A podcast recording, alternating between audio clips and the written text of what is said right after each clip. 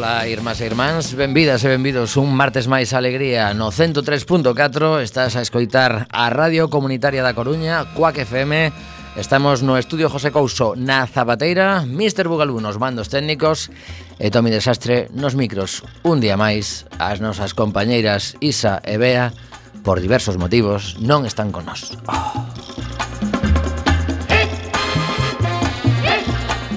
Unha pequena alegría, pero máis necesaria que nunca. Por fin, a Interpol decide que vai actuar contra as mafias que transportan aos refugiados. Se lembrades o programa que tivemos mmm, con aquel compañeiro Óscar Palleiro que estivo salvando vidas alá polas illas gregas, contaba que aquelo era un auténtico escándalo. A cifra que daba a TVG hoxe era que xa levan a cada dos 6.000 millóns de dólares esas mafias cando a Interpol decide actuar. Falaremos máis tarde con portavoz eh, da, do Foro Galego da Inmigración porque este sábado teñen unha convocatoria, temos unha convocatoria para ver se por fin nos tomamos en serio ese gravísimo problema humanitario. Outra das novas do día é que ás 4 e pico da tarde parece ser que chegaron a un acordo o Partido Socialista e Ciudadanos. Son ese tipo de acordos que tamén se pode considerar brindis ao sol. Mándoche cinco puntos, tres puntos non os podo cumprir eu só, ti me dis que sí, nos damos un abrazo, somos todos colegas e imos tomar unhas cañas. Acordo pechado. Maravilloso. E unha vez máis me poño serio porque esta mañán o primeiro que escoitei foi ese novo asasinato dunha muller que ademais tiña dende hai só uns días, o 5 de febreiro, unha orden de alonxamento por parte da xustiza a súa parella porque non fixo unha cousa nada grave, simplemente colleu unha pistola e ameazou a esta muller e ao seu fillo de que os ia matar. A xustiza eh, aprobou esa medida de protección. Resulta que este home vivía a 400 km de distancia de Zaragoza, que era onde estaba a muller, e a policía decidiu que non había risco. Como non hai unha posibilidad de desplazarse 400 km en 4 horas, pois para que imos a protexer a esta muller? E hoxe foi asesinada e el tamén apareceu morto nun bar zaragozano. Tremendo. Agardo polo menos que haxa responsables que paguen a desfeita. Precisamos un pouco de música para sair disto eh, Me trouxen nin máis ni menos que a Cindy Lauper Con ese Girls Just Wanna Have Fun Porque, caramba, as mulleres necesitan diversión Non estes sustos a diario Por favor, por favor Música, maestro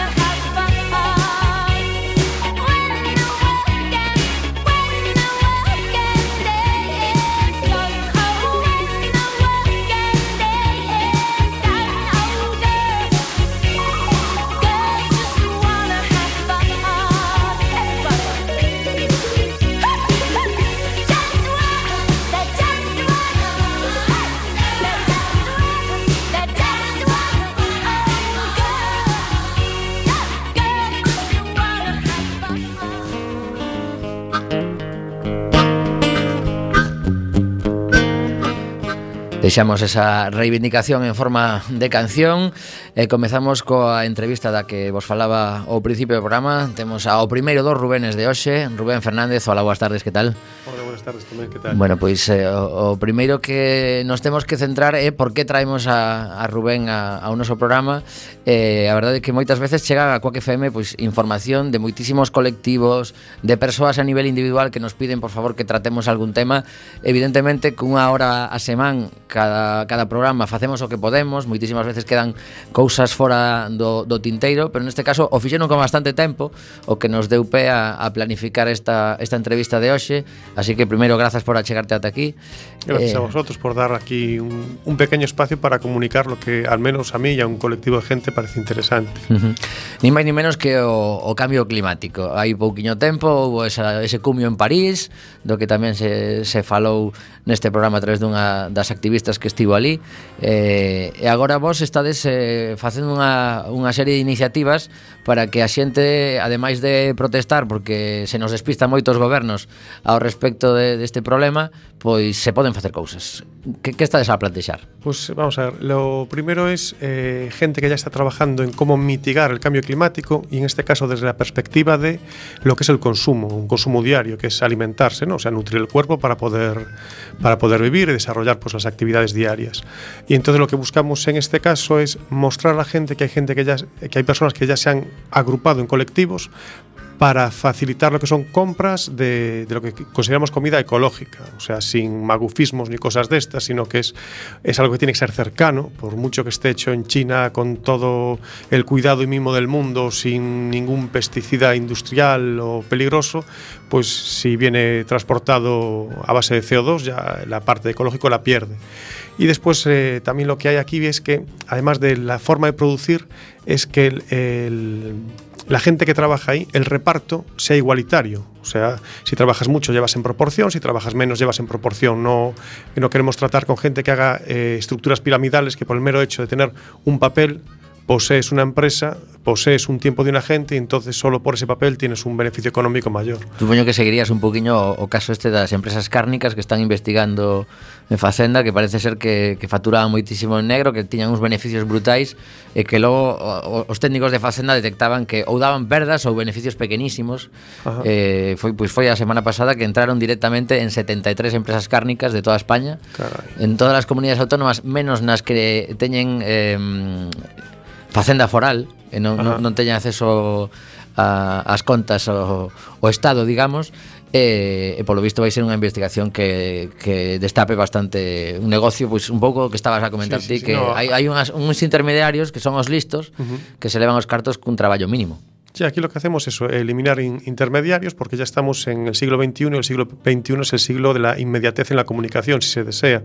Entonces, a la hora de requerir un, un producto, se puede usar pues, todo lo que es la red para obtener ese producto. Y en el caso del tema cárnico, o sea, no, no lo estuve siguiendo. Últimamente estuve en formación para dar formación, ¿no? Ajá. muy intensa en las últimas semanas. Pero, por ejemplo, en el tema de, de, las carnes y mitigación, hay algo que es muy interesante, que es que la pirámide alimenticia dice que carne es menos y tenemos la pirámide alimenticia eh, invertida. O sea, comemos mucha carne antes que verduras, que eh, legumbres, que fruta y, otros alimentos o cereales.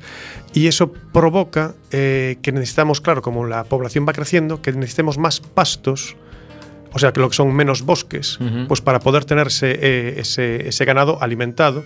Entonces lo que tenemos, lo que estamos haciendo es perder masa forestal, que es la que retiene realmente uno de los gases de efecto invernadero, que es el CO2. A mayores, pues bueno, al tener más animales eh, vivos comiendo y haciendo su digestión, tenemos más metano. El metano también es un gas de efecto invernadero, o sea, todo es como una pequeña bola de nieve que se va acrecentando, acrecentando y esto pues solo lo he visto en medios alternativos que es donde se trata y se intenta profundizar en ello. O sea, que mm, a tendencia sería incluso se dende o Estado fixera unha política interesante que ese, eses produtores, pois, pues, por exemplo, cárnicos, uh -huh. tivesen que mm, destinar parte dos seus fondos a reforestar zonas de, do terreo que non, que non estean eh, suficientemente aproveitadas. Sí, unha, unha posibilidade, supoño. Eso sería unha de las formas, pero lo primero tiene que ser la educación, de explicar a la gente primero, o sea, esto en, es lo que se da en, en lo que llamamos antes educación física, ¿no? Que es eh, tu cuerpo cómo funciona y qué necesitas para mantenerte bien y estar a gusto y tener una pues bueno, un, un buen rendimiento. Si hacemos caso a eso, podemos recuperar bosques, entonces estamos de dos formas actuando para mitigar el cambio climático. O sea, el cambio climático es una cosa que ya lleva 150 años subiendo la temperatura media, que es lo importante, no son las variaciones uh -huh. meteorológicas locales, no, no, es, es, la temperatura media global. Y esto a lo que nos, nos puede llevar pues, es a que solo por nuestra forma de consumir podamos mitigar y no tener que llegar a esos terribles dos grados, que es como el mínimo que están poniendo, pero es que ya dos grados a final de, de siglo, si, si, se da esas condiciones, implicaría que los peces que hay en las zonas tropicales tendrían que migrar a zonas eh, más eh, a latitudes mayores, los que viven de la pesca no tendrán trabajo, tendrán que desplazarse, o sea, tenemos que adaptarnos, pues te digo el tema de formación, ¿no? es muy mm. importante, entender cómo comer y entender a las migraciones que nos vamos a enfrentar que van a ser en maior ou menor medida en función de como consumamos agora. Ajá. E precisamente desa formación eh, imos falar agora porque este sábado 27 de febreiro eh, unha das, das cousas que, que nos trouxo a esta conversa é que na librería berbiriana que por certo precisamente esta semana recibíamos un, un correo das, das dúas mulleres que, que alevan eh, ofrecéndose a colaborar algún xeito con Cuac eh, ofrecéndonos información sobre novidades de libros eh, bueno, que son persoas activas e eh, ás 4 da tarde estaredes ali para contar que? Bueno, pues vamos a contar eh, tres, no, cuatro cositas. Una es eh, lo que es producción ecológica, sea, como decía antes, sin magufadas, ¿no? O sea, sin, sin nada que sea sentirte bien espiritualmente, sino ver desde un punto de vista físico, desde un punto de vista de emisión o mismo de, de, de lo que estás comiendo para tu cuerpo, pues que sea un producto sano, cercano y además que haya ese reparto de beneficios eh, igualitario, ¿no? más, más bien equitativo, digamos entre todos los que se dedican a ello. Después de eso, pues el productor, o sea, este productor se llama Víctor, que es productor de Zocamiñoca y de Millo Miudo, que son dos grupos de consumo responsable, uno Zocamiñoca de Coruña, que son como unas... Son, son, unas, son amigos de casa, sí. Sí, sí, unas 120 familias. bueno, Millo Miudo es del, del que vengo yo, de, de, Oleiros, que este año nos hemos duplicado, ¿no? Éramos siete familias, ya hemos pasado a 14.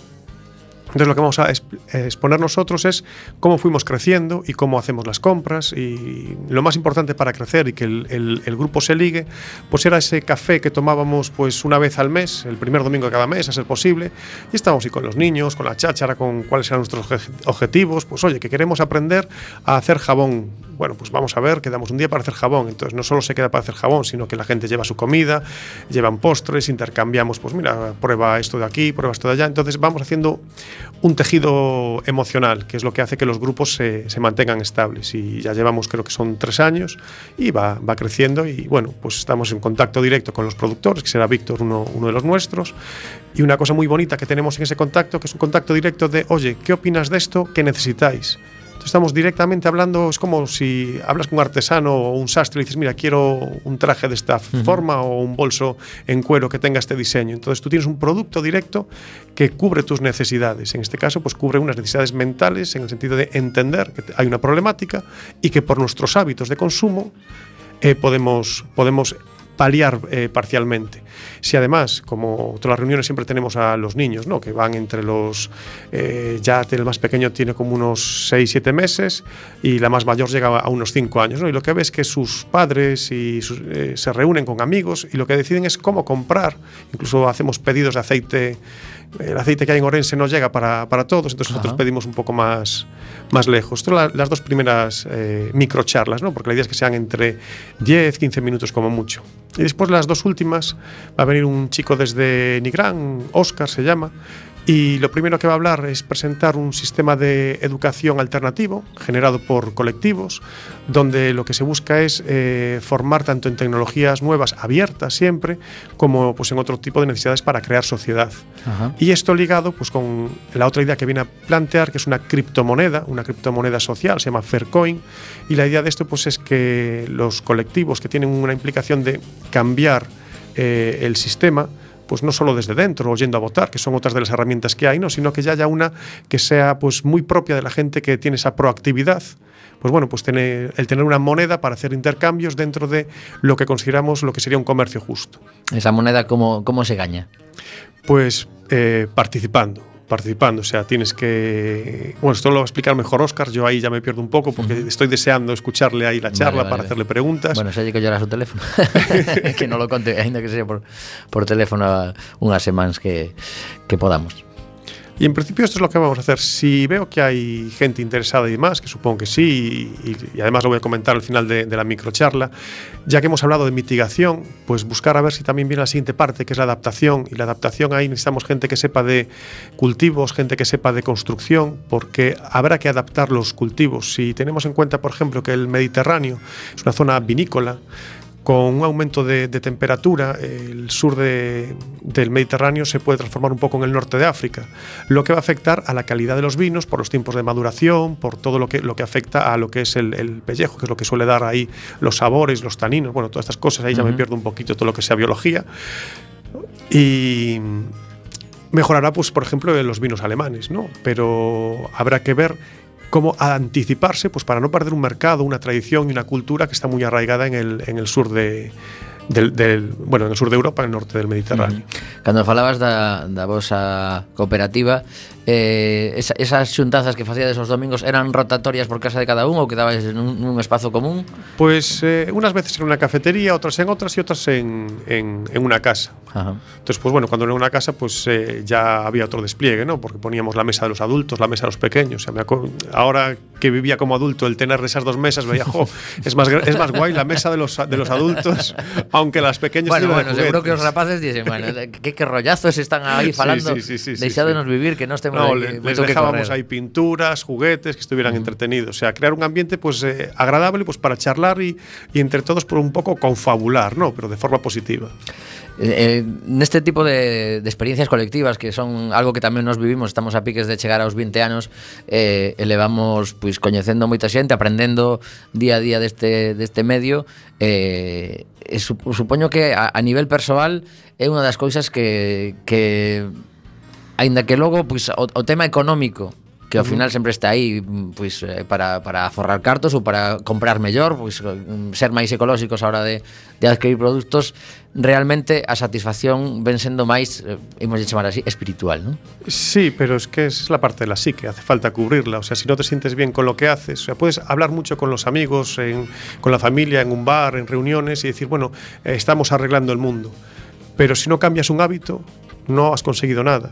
Y son los pequeños cambios los que hacen las cosas. O sea, esto es una derivación desde, desde que salimos de las cavernas, digamos. El Homo sapiens lleva aquí unos 200.000 años y lo normal es evolucionar. Lo que pasa es que puedes evolucionar por una tendencia dejándote llevar o revolucionar, que es cuando ya pretendes que tus actos afecten a los demás, que sean visibles y que sean eh, comunes ante todo. No, para mí hay una idea que es eso que hablan de dónde está el, el sentido común. Pues el sentido común solo aparece en cuanto nos reunimos unos cuantos y hablamos de un problema y determinamos cambiarnos hábitos. E costa moito chegar a acordos? No voso caso, por exemplo? Mm, Pues hay, hay, hay temas que han sido complicados, pero como en general es eh, lo que se genera principalmente es un buen ambiente, es sencillamente ver quién, al final lo que estamos mirando, o sea, te voy a comentar, había un problema que es qué bonito sería tener esto y qué bonito sería conseguir esto otro y qué bonito, qué bonito. Poñemos un exemplo para a xente que nos escoita e di, de, de que está falando esta xente cando se xunta porque ao mellor Pois- o, miña, o Leiros está aí ao lado. Claro, claro, Por lo claro. tanto pode pode haber xente que ao mellor eh, se este empezando a plantexar a chegarse a vos en algún momento eh, e quere saber de que falan. Pues a ver, te comento. Lo, lo primero era qué bonito sería no depender de Zoca Miñoca, que nos apadrinó durante un tiempo y aún nos sigue apadrinando parcialmente, ¿no? Entonces eso implicó, era muy bonito, pero implicó una búsqueda de, de productores. Ujú. Entonces, hasta que alguien dijo, me encargo yo, o busco yo, investigo yo, la cosa no, no salió adelante. Qué bonito sería, que esto aún está en el, en el aire, ¿no? Porque hay, gente que lo está leyendo, qué bonito sería que el textil, o sea, ya pasar, evolucionar un poco más, sea algo lo más local posible. O sea, tener unas compras, saber que ese producto viene de alguien que, que lo hace con, eh, pues con las ideas que tenemos, ¿no? Que sea cercano, que sea ecológico, que sea equitativo para, para los trabajadores. Y bueno, pues eh, quien pensó que qué bonito, ya se dio cuenta que la dinámica es, si te parece algo bonito, ponte a ello y nos lo comentas y alguien más puede entrar, ¿no? Entonces están en la lectura de un libro que habla, pues eso, de lo que es la, la ecología en el textil. Ajá. Entonces eso, el ir poco a poco viendo que mejoras otro, lo que nos salió muy fácil al principio era la labor de, de difusión, porque lo de ir a hablar, ir a las ferias y demás y contar cómo hacíamos, pues eso fue fácil porque lo pasábamos muy bien. Y de hecho aún solemos ir todos los años a la feria de la miel de, de Oleiros y ahí es donde hemos captado pues esos siete familias más que se nos han unido a base de, de comprar miel ecológica ponerla a vender y mientras estás vendiendo vendemos nuestro, nuestra idea que es, oye, mira, nosotros hacemos este, este tipo de consumo que es cercano, o sea... ¿Y eso cuándo se celebra? É anual, supoño. Es anual y es a- antes de, creo que es en noviembre, Ajá. o sea, antes de Navidades. Vale, vale. Bueno, pois eh, a verdade é que este tipo de, de iniciativas eh, nos parece interesante, por eso estamos a falar con Rubén Fernández. Eh, lembramos que o sábado en Berbiriana, que está na cidade Bella, exactamente, sabes Sí, a en, dirección? la, en la calle Santiago, número 7. Ajá, vale, sí, porque eu sei onde está, pero non sei como es se chama. de, es de 4 a 5 y media. O sea, en hora y media creemos que, que se puede dar para que la gente o sea, participe, porque la idea es de que sea una microcharla, es que rápidamente incites a las personas a hacer preguntas, a, a ver si se puede participar de eso o, o resolver dudas. Pois queda a convocatoria feita Si, si queres dar algún correo electrónico de contacto coa vosa entidade, por exemplo Para, para alguén que, Vale, que, pues que lle sí, o sea- curiosidade e que, era, que o mellor viva por Oleiros e quera chegarse Pues sí, sí, sí, es el, lo digo dos veces para Sí, que la sí. gente tenga tiempo de, de anotar. Espero que alguno que esté Co- yendo por confesaba el- antes de entrar en antena que lle encanta a radio. Pasa que eu estive liando porque isto en, en catro charlas destas de domingo acaban facendo un programa, pero bueno, aínda non o saben. Sí, con calma, con calma, vamos con calma. Dixen catro, non dixen a primeira. Bueno, pues a ver, es Millo, miudo, 2013, que es cuando, cuando empezamos, arroba gmail.com. Y ahora repito, para ese que está ya chupa, termino de abrir chupa. el cajón, ¿eh? millomiudo 2013 arroba gmail.com. Uh. Pois Rubén, moitísimas grazas. Seguidemos enviando información porque tentaremos darlle, ainda que sexa saída pois eh, a, a, a modo de axenda Perfecto. E, e agardamos que Cando volvamos a falar xa aquí no estudio En vez de 14 sexa de 32 Sí, poco a poco, por poco exemplo. a Sí, como- tampouco hai que crecer de repente, ¿no? No, Porque é no, un no, pouco no. a logística se complica para Sí, quedar sí, e para bastante, todo. bastante. Ahora hay, hemos, ya nos hemos hecho con un local. Mira, otro, otro Ah, bueno, avances, mira, ¿no? Ya un- tenemos un dato local importantísimo. donde- Para un para calquera entidade o tema local parece Sí, que sí, non, sí, pero sí. eh, un punto de inflexión importantísimo. sea, piensa que estuvimos casi dos, bueno, tres años eh, turnándonos por casas que era donde llegaban los pedidos. Y o sea, por eso era tan importante la parte emocional de vamos a, a ver qué tal nos llevamos, nos llevamos bien, es gente tranquila, es gente que le gusta decir, mira, pues he hecho estas galletas, pruébalas. Y entonces así es, es muy fácil el, el hacer grupo. Dentro de Oleiros, que é un, un municipio bastante grande, onde Sí, sí. tedes o local? Eh, lo tenemos en Santa Cruz. Ajá. Ahora mismo no podría darte la vale, ubicación, pero pero, bueno. bueno, Millo Miudo. Parroquia de Santa Cruz. Sí, Que- Millo que- Miudo 2013, arroba gmail.com y ahí ya, ya damos respuesta a dudas. Pois nada, que, que siga a, a, a pandilla medrando e, e disfrutando diso e que consigades polo menos os vosos obxectivos e, e o resto pois que mm. tomemos nota polo menos desa que esa, esa reflexión que nos facía de que comemos demasiada carne costa cambiar o, o hábito porque en Galicia pois levamos sí, iso sí, metido sí. aí de moitos anos e Mariano pon cara de claro, a ti non te que está costando demasiado. Costa. Costa costa a primeira semana, eh, logo Hai que, o, cultural, o, o, fundamental é atopar cousas que non sexan carne que te gusten tanto como a carne ou máis. Pois nada, que ata a próxima. Gracias. Muchas gracias.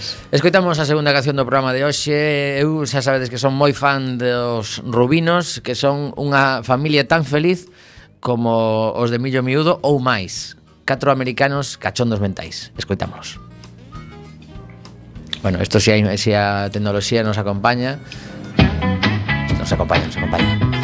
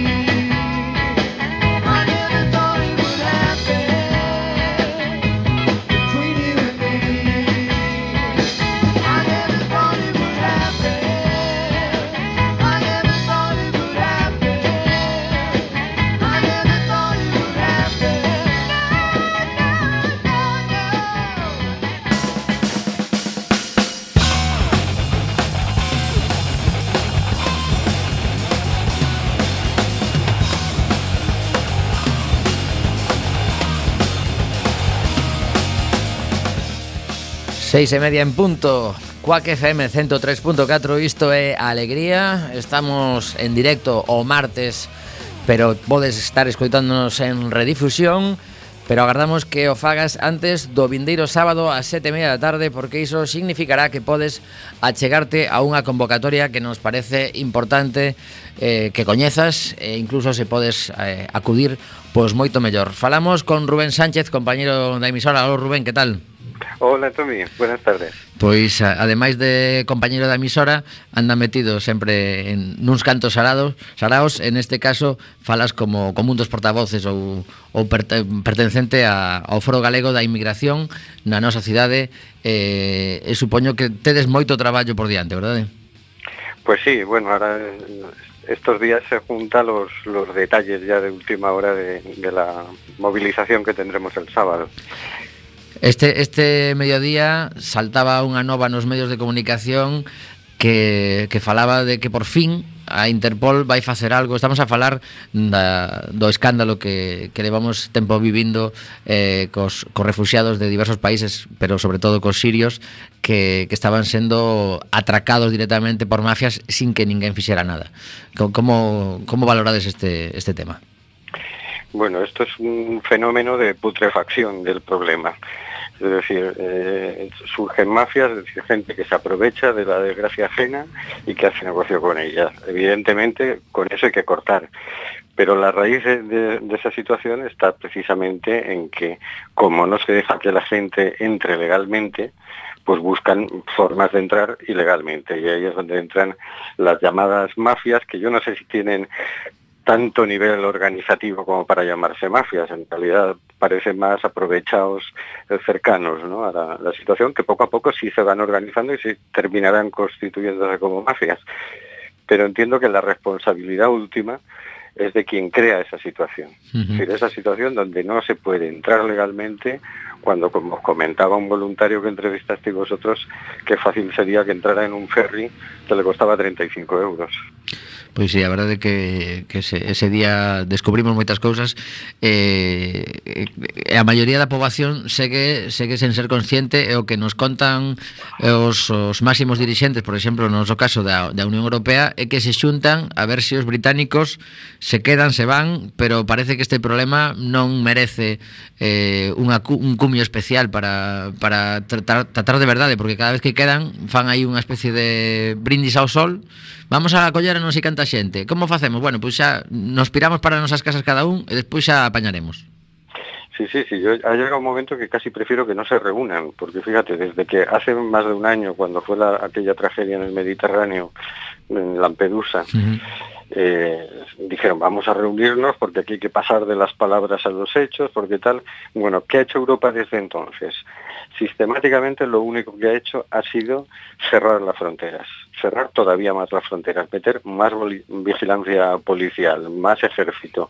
Es más, están ahora hablando de lo que están hablando es de armar un ejército europeo que controle las fronteras, pero ni una sola misión de salvamento. De hecho, el salvamento quienes lo están haciendo son voluntarios. Y luego los barcos pesqueros o barcos patrulleros que se tropiezan con gente naufragada y que según la ley de salvamento marítimo no tienen más remedio que salvarlos. Si no, los dejaban. Pero Europa no está invirtiendo ni un euro en salvar a esas víctimas que ella misma genera, ¿no? Sí, a verdade que, que tremendo. Eh, dende a, parte legal, eh, que pode facer a sociedade civil a hora de, reclamar, pois, por exemplo, pois que, que por fin eh, esa, esa cantidade que, que estaba mm, aparentemente aprobada que viñera a España, pois eh, se, se faga efectiva e que podan que podan chegar aquí sin, sin tantas dificultades. Lo que vamos a hacer el sábado, eh, meter presión a las autoridades que sepan que estamos pendientes, que les estamos mirando y que esto es una vergüenza, que nos parece de lo peor, nos parece de lo peor. Porque fíjate que ahora mismo lo que estamos pidiendo son vías de acceso seguro, no ya para esos de la cuota, que esos ya están dentro. Porque es que aquí la cosa es, mientras ellos tenían una previsión de entre millón según el alto comisariado de las Naciones Unidas para los refugiados, que preveía un millón de personas que entrarían antes de diciembre, y el Frontex, que preveía millón y medio, estaban repartiéndose cuotas en cuotas 160.000. Es decir, 850.000, según la previsión más baja, ya ni se les tenía en cuenta. Y estos 160.000 era para darles cobijo a lo largo de dos años. Pero es que no estamos hablando de estos de la cuota, que estos ya estaban en Grecia e Italia. Estamos hablando de gente que está entrando ahora y que está muriendo todos los días. Y lo que estamos diciendo es, oiga, queremos que esa gente entre como persona, queremos que esa gente se le garantice vías de acceso segura, que puedan solicitar el asilo sin tener que cruzar el, el mar Egeo jugándose la vida. Pois é, verdade que é tremendo, sí, sí. Bueno, eh, a convocatoria para que lle quede claro a xente na que repetiremos ao, ao final da, da entrevista eh, está para as sete e media da tarde eh, a Praia Riazor é o punto de saída será ata o obelisco exactamente onde saímos? Detrás de, de ese restaurante que hay por allí, que no quiero mencionar, Vale. Eh, De ahí detrás saldremos. Si el tiempo nos lo permite, haremos allí mismo ya una de las varias performances que habrá durante el recorrido. Y recomendamos a todo el mundo que se haga un chaleco salvavidas, aunque sea con, con papel charol amarillo, pero bueno, queremos darle un aire un poco simpático a la manifestación, ¿no? No simplemente una cosa seria, dura y tal, sino bueno, queremos hacer una cosa vistosa, una cosa muy plástica y, y saldremos de allí a las siete y media, ¿no? Eh, en principio, este, este tipo de convocatorias que moitas veces, pois, eh, o mellor, a xente que, que ve que existen, pero, pero decide que, que ten cousas mellores que facer, eh, realmente, que nivel de empatía crees que hai na, na poboación europea con, con este problema? Yo creo que hay más del que se ve, por eso es el esfuerzo este por volcarlo en la calle y hacer que se vea, ¿no? Yo creo que todos cuando vemos en el telediario, a pesar de que no lo sacan con la frecuencia que se merece, esta tragedia nos sentimos conmovidos. El tema con estas cosas siempre es que uno se plantea y servirá de algo que salga yo y lo diga y claro, tenemos que tenemos que hacer el esfuerzo de presionar a los dirigentes. Ya vimos que hicieron el brindis al sol que tú mencionabas el, el año pasado, ¿no? Es decir, bueno, ahora tenemos que obligarles a, a hacer algo más que brindis al sol, ¿no? Tenemos que hacer ese pequeño gesto que es darnos un paseo un sábado por la tarde y decir lo que pensamos, ¿no? Pero yo pienso que sí. eh, quizá en algunos países se está viendo eh, también el fenómeno contrario. Y hay que pensar que son en general países que han sido muy castigados por políticas de recortes, donde la población no es tan tan sana como la población española psicológicamente, en el sentido de que se han sometido, se han resignado, se han dejado recortar durante muchos años y entonces más que enfrentarse a sus autoridades prefieren enfrentarse al, al, débil que viene, ¿no? Pero yo creo que en eso tenemos que ser muy muy insistentes nosotros los españoles que somos más más echados para adelante, ¿no? Uh -huh. y, y, hacer y dar una referencia de, de, que las víctimas son los otros, ¿no? Esta convocatoria do sábado está coordinada noutras cidades ou en principio é unha é unha puntual na Coruña? Eh, esta es una puntual en Coruña. En, en España se está haciendo en más de 40 ciudades, se están organizando, ¿no? Pero son, son todas este sábado? Sí, sí, sí. Ajá, todas vale. las previstas en este sábado, algunas por la mañana, ya en cada ciudad ya le ponen la hora que más, conveniente les parece, ¿no? Pero se está haciendo en toda Europa. Esta convocatoria es una marcha europea, ¿no? Ajá, vale. Esa era, esa era a pregunta. Pois Rubén, eh, moitísimas gracias por atendernos. Agardamos que, que dende Coac FM podamos difundilo en máis programas. Oxe compartiremos con co resto de compañeiros para que polo menos comenten nos seus programas eh, o, o que ides facer o, o vindeiro sábado. E sobre todo o que agardamos é que esas xentes eh, o antes posible teñan unha vida día a día un poquinho máis digna. Ou simplemente digna, porque claro, o que están vivindo agora está moi lonxe diso. Y, y- y que, sobre, que puedan sobrevivir. que hay Pues sí. dos peleas, una que, que no tengan que morir eh, ahogados y otra que, que tengan la- una vida digna y además con el reconocimiento legal que, al que tienen derecho. Sí, sí, porque aquí todo el mundo asina a, Carta de Dereitos Humanos da ONU se, se suma a ese organismo, pero despois como que as normativas están así como para mirar para elas. Sí, exacto. Después dicen, bueno, bueno, e veremos se si podemos. Pois sí. Bueno, Rubén, moitísimas grazas eh, eh, sobre todo polo, polo esforzo que facedes dende colectivos como neste caso o Foro Galego da Inmigración para, para que se visibilicen estes problemas. Bueno, decirte que, que en esta convocatoria están participando más de 30 colectivos, ¿eh? uh -huh. de todo tipo, culturales, políticos, sindicales, mm, ONGs, de todo. Ajá. Pois que se sumen máis aínda. Graciñas, ata a próxima. Muchas gracias. Me llamo aperta. Pois pues, 6 e 40 minutos eh, o programa de hoxe, por suposto que aínda nos quedan 17 para pelexar un pouquiño. Eh, eu teño unha serie de temas que ademais un deles estou de acordo eh, con, con Mariano Fernández seguro, porque é un deses escándalos eh, que se repiten con certa frecuencia, que nos temos que, que tomar en serio, porque chega un momento que non pode ser. Eh, estou a referir mm, desa mm, aquel, aquel eh, aquela, perdón, aquela sección que facía Juanjo de la Iglesia en Caiga quien caiga de ética periodística, pois eh, unha vez máis hai que traela ao programa, en este caso porque o Davo de Galicia é unha cousa que xa mm, clama ao ceo. En este caso, estou a referir, eh, a ver se si Mariano acerta que me estou a referir. Veña. Puf, non sei. Que Pensa de hai é un tres, diario, tres días É un diario que ten moitas eh? Tres días. Uh... hai unha noticia que está, que leva uns días coleando e eh, que, que puido pasar. Hai tres días. Puf. Bueno, conto cheu Noticia, que... noticia do pasado domingo 21 de febreiro Voz de Galicia Titular. Los vecinos critican el adelanto en el calendario fiscal para pagar el IBI, el IBI. Ben, Entón eu collo esta nova e digo, bueno, pois vamos a ver quiénes son los vecinos que eh, critican el adelanto fiscal. O primeiro que atopamos nesta nova... Caramba, que susto. Sí, sí, esos son os Black Crowes que tamén queren cantar. Bueno, pois eh, o primeiro que atopamos nesta nova é, curiosamente, é unha vez máis, a Coruña, la voz. Nin siquiera a redacción. A Coruña, la voz.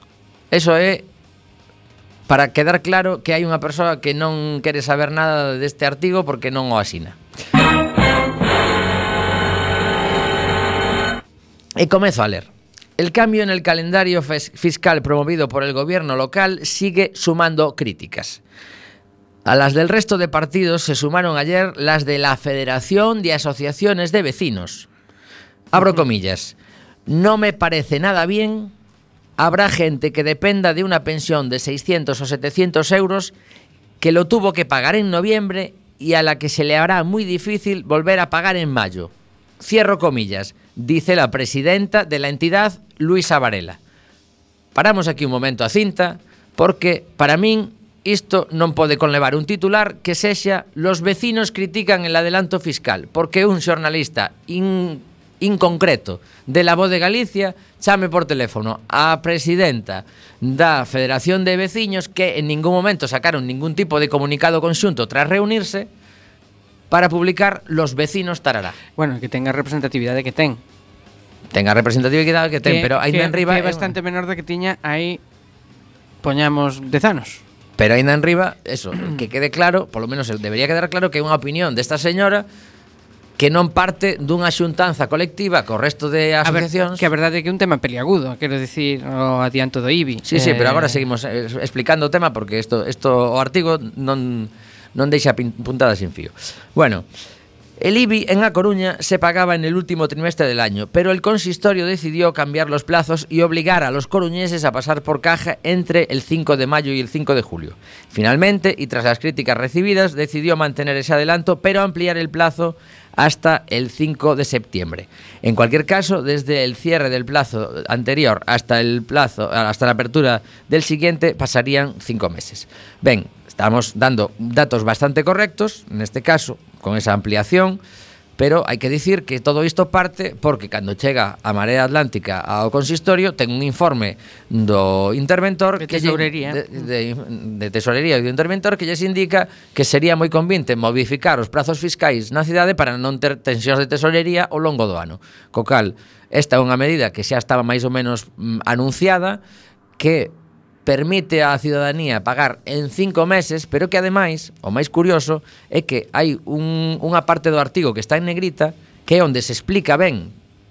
O, o, a parte importante do artigo é onde se explica ben todo o, o que supón este cambio e o resto é literatura e, e, por exemplo, unha das cousas que pon aquí que me chamou moito a atención el problema de adelantar el pago del IBI a mayo se me acaba de apagar o ordenador un momentiño no es solo el escaso tiempo transcurrido desde el abono del último recibo. Además, ese tributo, el más gravoso que pagan los vecinos, coincide así con el periodo de cobro con el segundo más caro, el de vehículos, que toca entre el 4 de marzo y el 4 de mayo. Vamos a ver, puntualicemos. Non coincide se o pagas en setembro. Que chapuza de artigo este? Bueno, pois agora vou a parte que me parece importante, que é a seguinte. que é a información ben feita. A parte do dentro do artigo. A Caixa Municipal ingresará agora dende marzo ata decembro. Nesta parte do artigo nos explican que con estes cambios o que se consigue é que vayan entrando cartos continuamente, como en todas as familias que temos que pagar os recibos mensualmente, e que non nos entre todos os cartos de golpe. E unha das cousas que comenta aquí, que parece pouco importante, é como acaba o artigo, é Con todo, os veciños Poden tamén, como alternativa, fraccionar o pago do IBI ata en seis veces cun desconto do 3%. Eso é a parte menos importante de todo. Cando te están dicindo que, mira, reláxate, que o podes pagar en seis veces, non te me estreses, que tes unha pensión, que xa sabemos que pagaches en novembro anterior, pero pensa que a partir de agora, se si todo continúa así, vas a pagar de forma pausada dentro dun ano, o vas facer en seis meses, vas a ter unha bonificación do 3%, que máis queremos? A min, bueno, pois a, a min queremos que é facer ruido unha vez máis. A mí me parece tamén importante o que se omite. Eh, que o que se omite é eh, que pasa se non se fai así. Non? Mm, tamén. Mm, a información omitida. Bueno, eh, se non, se non se fai así, Uh, o que pasa é que, eh, como dicías ti antes, pode haber tensións de tesourería na institución que provoquen cando, claro, que hai que cumprir con, con pagos, hai que facer cousas. Eso implica que eh, hai que financiar esa tensión de tesourería. Eso implica ir a unha entidade de crédito, pedir un, un préstamo, un crédito e aboar o custo da operación, este é os intereses que quen os vai pagar? Pois os mesmos que pagan o IBI e os que, e os que non pagan o IBI, porque tamén hai que ter en conta que non toda a cidadanía uh, paga o IBI. Eh? Uh, pagan Pero os intereses sí que nos toca os, entre todos. Pagan os propietarios e pagan aqueles arrendatarios que teñen ese acordo cos, cos propietarios. Non? Mm, eu entendo que eh, non é unha medida ideal, eh, ademais, que é unha medida impopular mm, pero eh, tamén é certo que unha desas medidas a medio a medio prazo, medio longo prazo que moitas veces a ciudadanía Imos agradecer. Mm, hai, hai que pensar, hai que ter un pouquiño de de vistas eh, a, a eso, a, a medio e longo prazo. Eh, realmente, unha vez que pase esta primeira eh, anualidade, o resto do período vai ser, se si todo se mantén igual, pois eh, vas a poder pagar aos 12 meses eh, realmente é buscarlle cosquillas, porque outra das cousas que leva facendo a Voz de Galicia dende hai meses é criticar que o goberno local non está pagando en prazo as facturas. E hoxe precisamente publicaba que um, por fin no mes de xaneiro baixou o prazo de pagamento de facturas a 26 días cando antes, eh, nos últimos meses do 2015, estaba sendo superior aos 40. Por lo tanto, é que se está empezando a racionalizar os ingresos e os pagos. E que baixou tamén a, o montante pendente. O sea, a cuantía, a cuantía de, de, de pagos pendentes disminuiu bastante. Pois iso, que por favor, vamos a facer artigos un poquinho fundamentados e de paso xa os asinamos, que polo menos podemos decir, mira, pero los vecinos é unha chamada a la presidenta da Federación de Asociaciones? Bueno, eso non é sinalo, xa temos comentado moitas veces que cando non se asina un artigo, pois, bueno, por algo será que non se asina.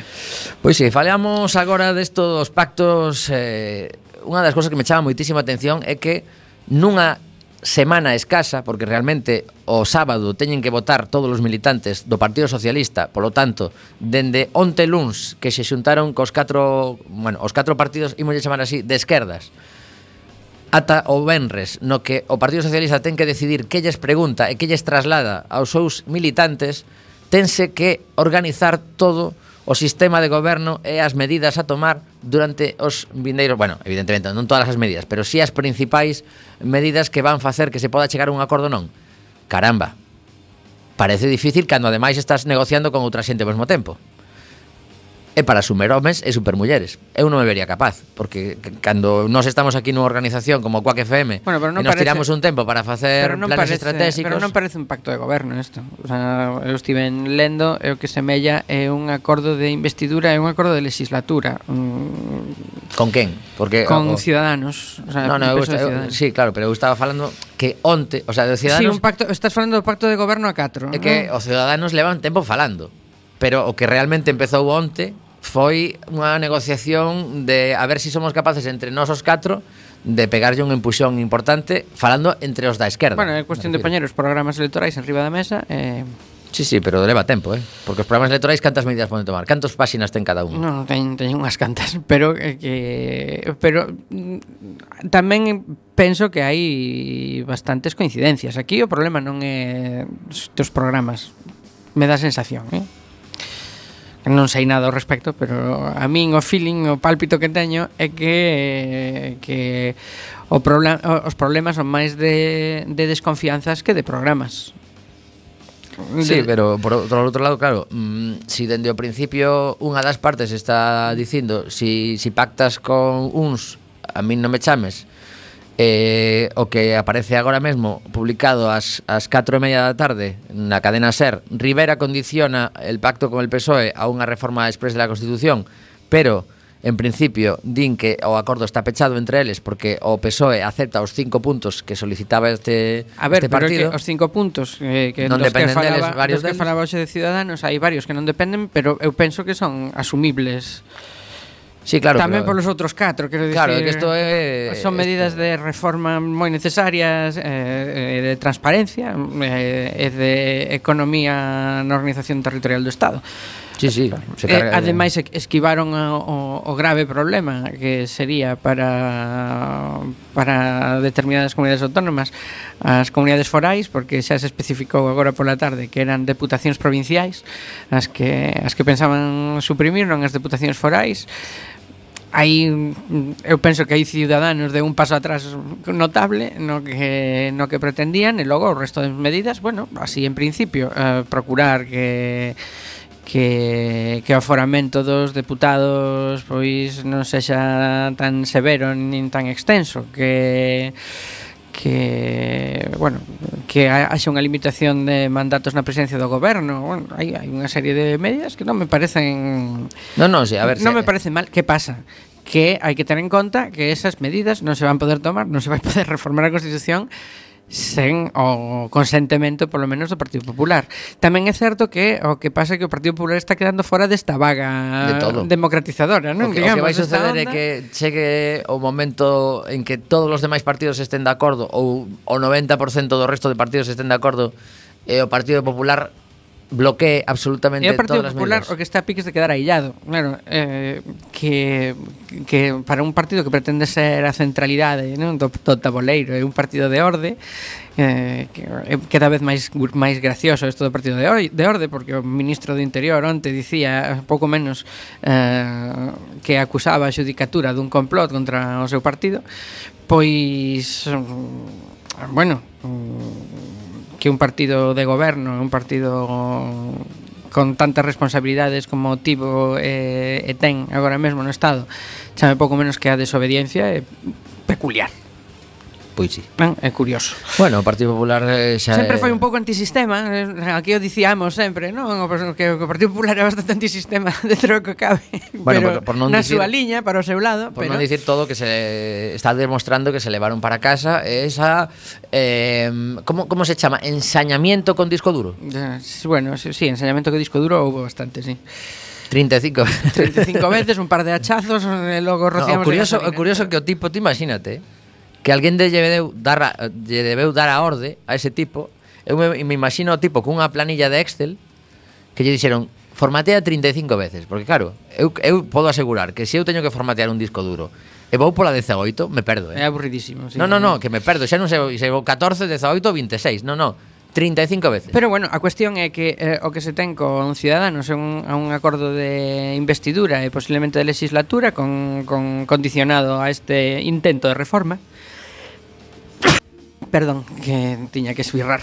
Eh, eh, pero o que se busca, eu supoño, cos outros catro partidos é eh, é un goberno de coalición porque por lo menos algún deles xa sinalou que, que era obxectivo, non? Un goberno de coalición. Realmente, eh, por que un goberno de coalición? Porque hai unha enorme desconfianza en relación ao Partido Socialista.